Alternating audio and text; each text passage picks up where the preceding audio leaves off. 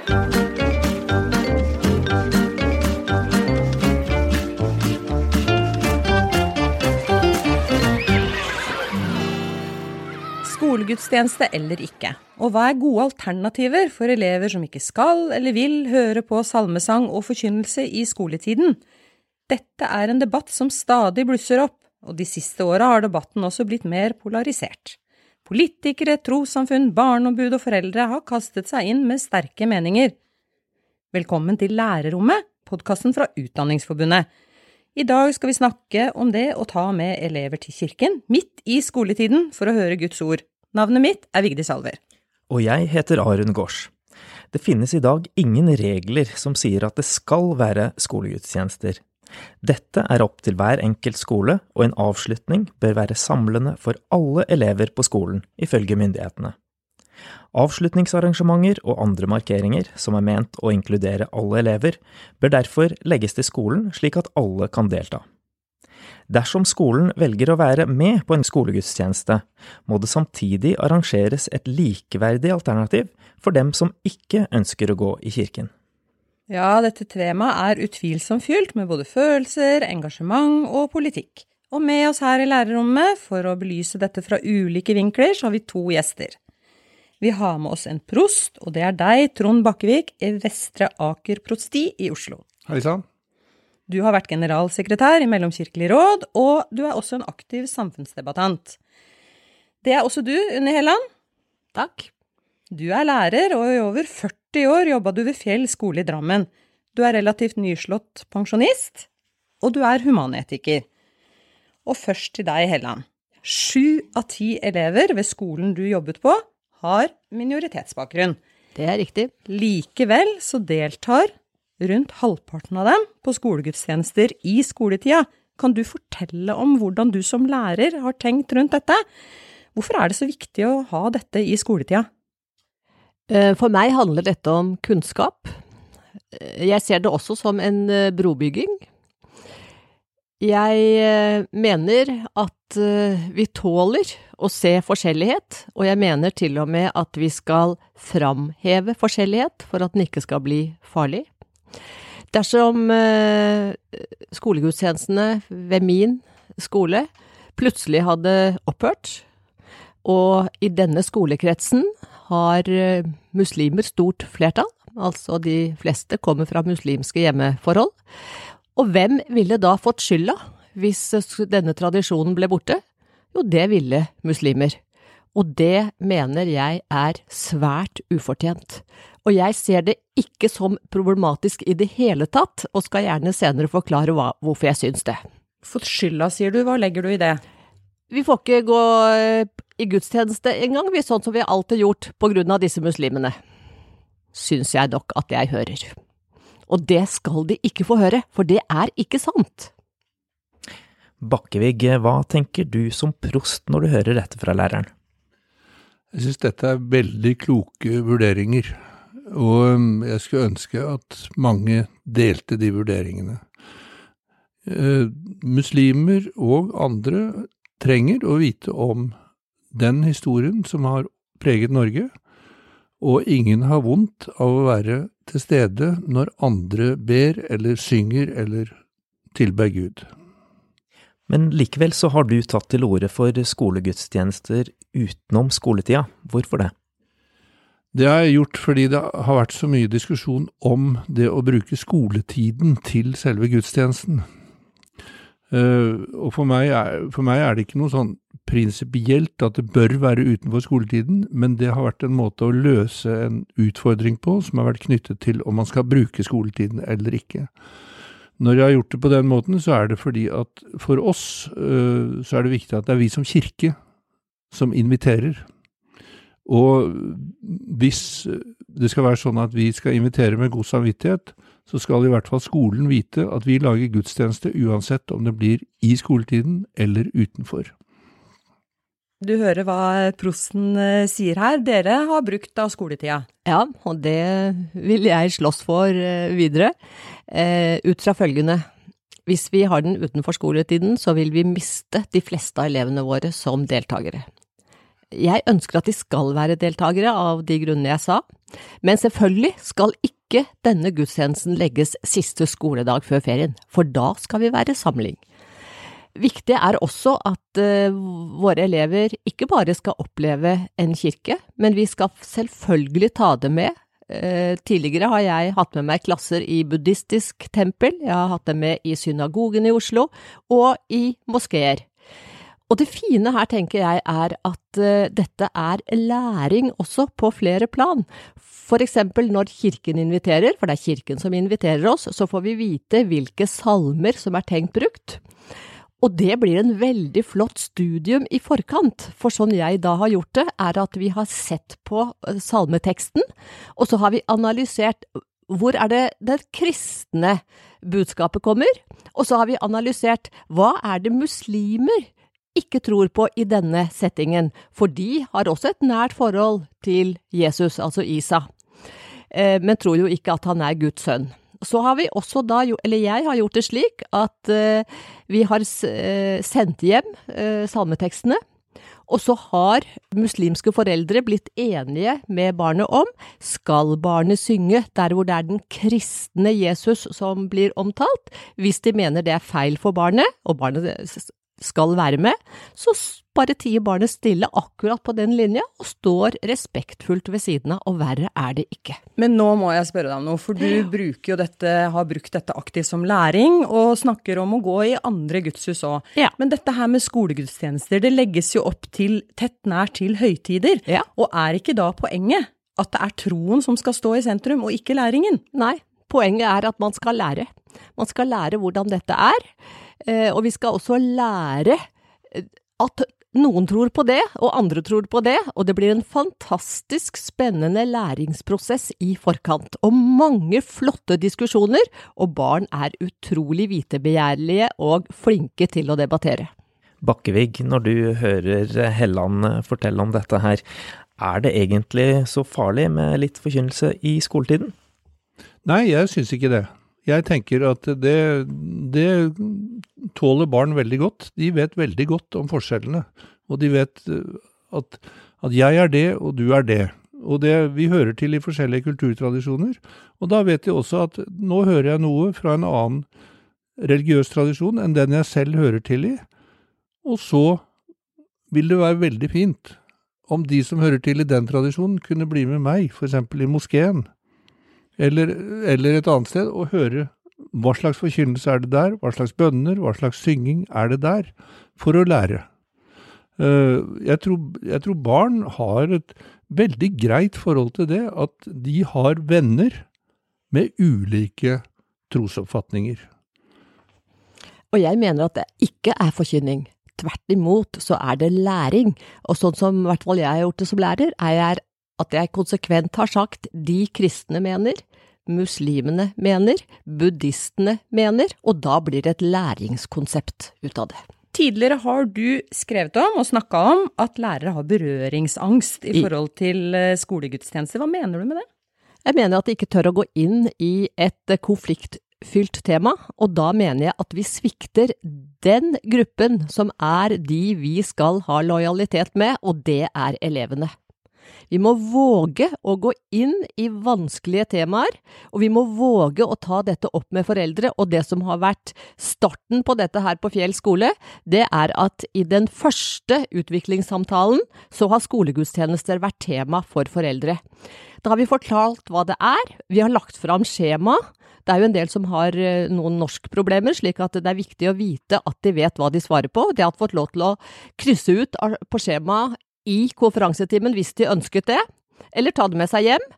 Eh, Det er blitt forklart hva det altså innebærer, og de har fått tre valg. Vil dere at barnet skal være med i gudstjenesten i kirken og være med å synge sangene? Alternativ to. Vil du at de skal være med for å se, men ikke delta? Alternativ tre. Vil du at de skal være på skolen og ikke være med opp i kirken? Og på skolen har vi da et opplegg som er et hyggelig alternativ. Du, Bakkevig, hva tenker du, er det, er det slik eh, Helland sier her, at eh, det finnes en berøringsangst for religion i skolen? Jeg tenker at det finnes en generell berøringsangst i det norske samfunn, særlig blant eh, de som er hva skal vi kalle det, etniske nordmenn. Altså for religion i det hele tatt, fordi det er så veldig mange som har et uavklart forhold til sin egen bakgrunn og sin egen opplevelse av religion. Mens de som vi møter ofte som muslimer, de vet at de er ja, de tror litt på Gud, eller mye på Gud, eller, men de regner seg De vet i hvert fall at de kommer fra en kultur hvor, muslim, hvor islam har vært dominerende, og har et forhold til det som er enten intenst eller litt mer fjernt. Mens i Norge så ble vi vant til at religion skulle være en privatsak. Og så ble det så veldig privat at vi tør nesten ikke si hva, hvor kommer jeg fra? Ikke nødvendigvis at jeg tror på Gud eller tror at Jesus var Guds sønn, men dette har tross alt preget vår kultur. Nå sier jeg vår, og litt ubeskyttet, eh, som en etnisk og litt av brutal eh, hvit nordmann. Men, men det er den, det som har preget norsk historie. Og så kan det være preget av avstandtagen, eller et nært forhold, eller et fjernt forhold. Men veldig mange våger ikke liksom gå inn i den problematikken, fordi de selv har så uavklart. Ja, og jeg har da i, en, i mange, mange, mange år eh, nektet å fronte mitt livssyn. Eh, og det var eh, å møte sine egne fordommer i døra, for jeg tenkte at i det nærmiljøet denne skolen ligger i, så vil jeg som medlem av Human-Etisk Forbund jo være vantro, og det er jo langt verre i muslimske kretser enn å være kristen. Så var det presten, som jeg har et nært, nært forhold til, som fikk meg ut av skapet da jeg og han sammen gikk høyt ut på banen og forsvarte Vi har både julegudstjeneste og påskegudstjeneste, og forsvarte det. Så sier da presten min at nå må du eh, komme ut av skapet ditt, for folk kan tro at du har en underliggende et eller annet som ikke er så greit, at det er noe du skjuler, en underliggende agenda her. Og jeg kom da ut som humanetiker, og opplevde at etter jeg sto fram og foreldrene fikk vite mitt ståsted, så var det enda flere som sendte barna med meg i kirken. Du var inne på det i sted, skolen er pålagt å ha alternativer, men innholdet er svært sprikende. Eksempelvis kan skoler ha veldedig arbeid på eldresenter som alternativ, andre skoler kan ha julesamling i gymsalen, mens noen elever de må sitte igjen i klasserommet og tegne en tegning, mens de andre elevene kanskje går med fakkeltog til kirken. Helland, hva tenker du er et godt alternativ til skolegudstjenester for de som ikke kan eller vil? Du var inne litt på det at dere hadde det. Ja, For det første så er det altså viktig å melde seg på, og aldri melde seg av noe. Eh, og så, eh, sånn min erfaring da, er at eh, Og jeg kommer jo fra en veldig stor skole, så vi har da fellesopplegg på hvert trinn for de elevene hvis foreldre har valgt skal være på skolen. Hva består det opplegget i? Ja. Veldig ofte så viser man da powerpoint av kirker for å vise kirkebygg. Både innvendig og utvendig. For det er jo det blant annet disse som går i kirken får se. Så snakker man om uh, ulike religioner og ulike høytidsmarkeringer, og legger vekt på de markeringene som representerer religioner hvor elevene har tilknytning. Så hender det, og det er særlig når vi er påskegudstjeneste, at de elever som eh, er igjen, de eh, pynter klasserommet til et hyggelig påskemåltid, som da eh, blir klargjort, og som alle tar del i når de som har vært i kirken kommer ned. Det skal være noe som er spesielt hyggelig, det skal være et alternativ som på en måte står seg, og ikke er et sånn second-opplegg eh, som ikke er like trivelig som de som går i kirken. Som for eksempel å tegne en tegning? Det blir litt lettvint. For ikke å snakke om de som skal ut, på, ut og rydde eh, rotete rom. Altså, det blir for eh, dumt. Bakkevig, eh, du hører Helland fortelle om at det finnes gode alternativer som praktiseres rundt omkring på skolene. Hva er da problemet med skolegudstjenester i skoletida? Jeg ser ikke det store problemet med det. Eh, fordi jeg, jeg, har ingen vanskeligheter med, og er glad for at det kan betegnes som kunnskapstilegnelse. Men eh, når jeg har sagt at legg det da etter skoletid, så er det rett og slett for å unngå disse evige diskusjonene som vi har hvert eneste år. Som jeg, som jeg tenker at det, vi må komme lenger enn det. Vi må komme dit hen at skolegudstjenester er normalt noe som elever kan delta i ved julehøytid eller ved påskehøytid, som, som Unni Helland også sier. Og så må det lages veldig gode alternativer.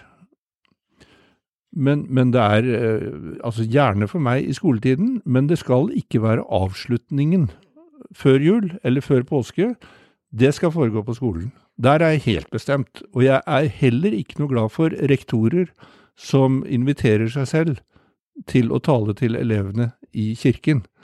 For det, da, da, bruker de en anledning som, er, som både er kirkens, men de inkluderer ikke de andre elevene som ikke er der. Du nikka fælt på hodet nå, Helland. Jeg er helt, helt enig i alt det som ble sagt her. Og så har jeg lyst til å fortelle om den aller siste klassen jeg hadde, med 24 elever. 21 av de 24 med muslimsk hjemmebakgrunn. Og etter at vi da hadde snakket, jeg hadde snakka med ett og ett foreldrepar, eh, og jeg var da kommet ut som humanetiker, og de skulle velge for sine barn, og de fikk jo også beskjed om at hvis dere i etterkant ombestemmer dere, så sier dere bare fra. Og av de, eh, med 20, altså av de 21 med muslimsk hjemmebakgrunn, så valgte 19 av foreldreparene å sende barna med humanetikeren opp til kirken. Hvorfor tror du de gjorde det? For det første fordi vi hadde en åpen diskusjon fordi de kunne få lov til å spørre. Altså, vi hadde en samtale. Det var ikke bare slik at jeg slengte ut et skjema som kanskje kunne være vanskelig å forklare. Fordi vi har jobba mye med relasjonskompetanse, så de hadde tro på meg, de hadde tillit til meg. De visste at eh, jeg ville ikke gå opp der for at eh, deres barn skulle få en annen tro, men fordi at de skulle lære noe, og læringsprosjektet tror jeg at de så på, og det ble helt ufarliggjort. Og bare som en liten parentes, jeg hadde altså samme klassen med meg i den jødiske synagogen på en tur inn til Oslo. I forkant måtte jeg fortelle eleven at eh, gutta måtte ha på seg kippa. En liten jødisk lue. Da var det en liten kar som løp bort til sekken sin og tok opp en liten bønnelue som han brukte under koranundervisning, og jeg kunne jo fortelle at ja, de er ganske like. Og da den jødiske guiden kom og så dette fargerike barnetoget, så sier hun og de må ha kippa. Ja, sier jeg. Skal alle? Absolutt alle skal ha kippa, så mangla jeg tre stykker. Og da sto de tre og sa nå må du finne, du har vel noen ekstra, vi går ikke inn i ditt gudshus uten kippa. Bakkevig, jeg vil tilbake til debatten om skolegudstjenester. Synes du at, eh, at dette generelt sett blir for politisk ladet? Jeg vet ikke om jeg vil si politisk, men eh, det har blitt ganske hett sånn eh, religionspolitisk, for å si det på den måten. Men jeg opplever jo at det er Det er jo ikke, det er jo ikke muslimene først og fremst som tar opp denne debatten. Det er først og fremst humanetikerne. Eh, og derfor er det så godt å høre på, på Unni Helland her. som også gir det en ramme som jeg tenker er veldig god, altså ved å si at dette er undervisning. Dette er kunnskapsformidling. Uh, og være veldig tydelig på det, og også lage forberedelsene på en sånn måte. Og da er det en måte å bli kjent med kirken, men også med jøder, og jeg vil anta dere gjør det samme i moskeene ved, ved muslimske høytider, kanskje. Uh, og det, jeg vil jo ha sendt, ja nå er det mine barnebarn, da, desidert på, på, på være med på alt dette, for, for å for å komme på innsiden av ikke bare teoretisk forhold, men, men oppleve hva det er når muslimer, eller jøder, eller for den saks skyld, hvis dere hadde noe i Humanitisk Forbund, hva dere gjorde som, som nettopp var et uttrykk for deres tilhørighet og deres tro. Mm. Um, vi ble invitert opp, denne siste klassen min, da Per Arne Dahl var innsatt som biskop og var på visitas rundt omkring. Ja. Og da sang vi for Per Arne Dahl, eller elevene da, en nydelig eh, sang som heter De tre, laget av Ivar Skippervold. Og De tre er en musikalsk vri på Henrik Wergelands historie om de tre, ja. som handler om den kristne munken, muslimen og jøden som møtes i ørkenen på vei til Syria, så skal de da legge seg og sove ved en oase. Og så våkner de neste morgen, og så blir de veldig forvirra, for de pleier å be. Men så ser de på hverandre, og så de ber jo på ulikt vis. Og så hører de tre fugler synge. Og så merker de at ja, de synger jo med hvert sitt nebb, bokstavelig talt. Og så gjør de som fuglene. Den som spiller den kristne munken, han folder sine hender. Muslimen holder hendene sine som muslimer gjør når de ber, og det samme gjør jøden. Dette opptrådde vi med under bispevisitasen, og så hadde jeg utfordra dem til å skrive et brev til prosten med råd om hvordan bli en god prost. Og da eh, sto det i et av brevene som, prostens, nei, som biskopen unnskyld, syntes var fantastisk. Kjære biskop, du må også ta vare på oss som tror på noe annet. Hjertelig hilsen Mohammed for det heden. Da lar vi Mohammeds eh, ord være det siste som blir sagt i denne episoden av Lærerrommet. Vi håper at denne samtalen kan være en inspirasjon og hjelp til å tenke gjennom skolegudstjenester, og gode alternativer, ikke minst. Takk til deg som har hørt på, og vi håper du abonnerer på Lærerrommet og forteller om podkasten vår til en venn eller en kollega. Og vi i Lærerrommet vi kan love å komme raskt tilbake med nye episoder og nye gjester. Ha det bra! Ha det riktig godt.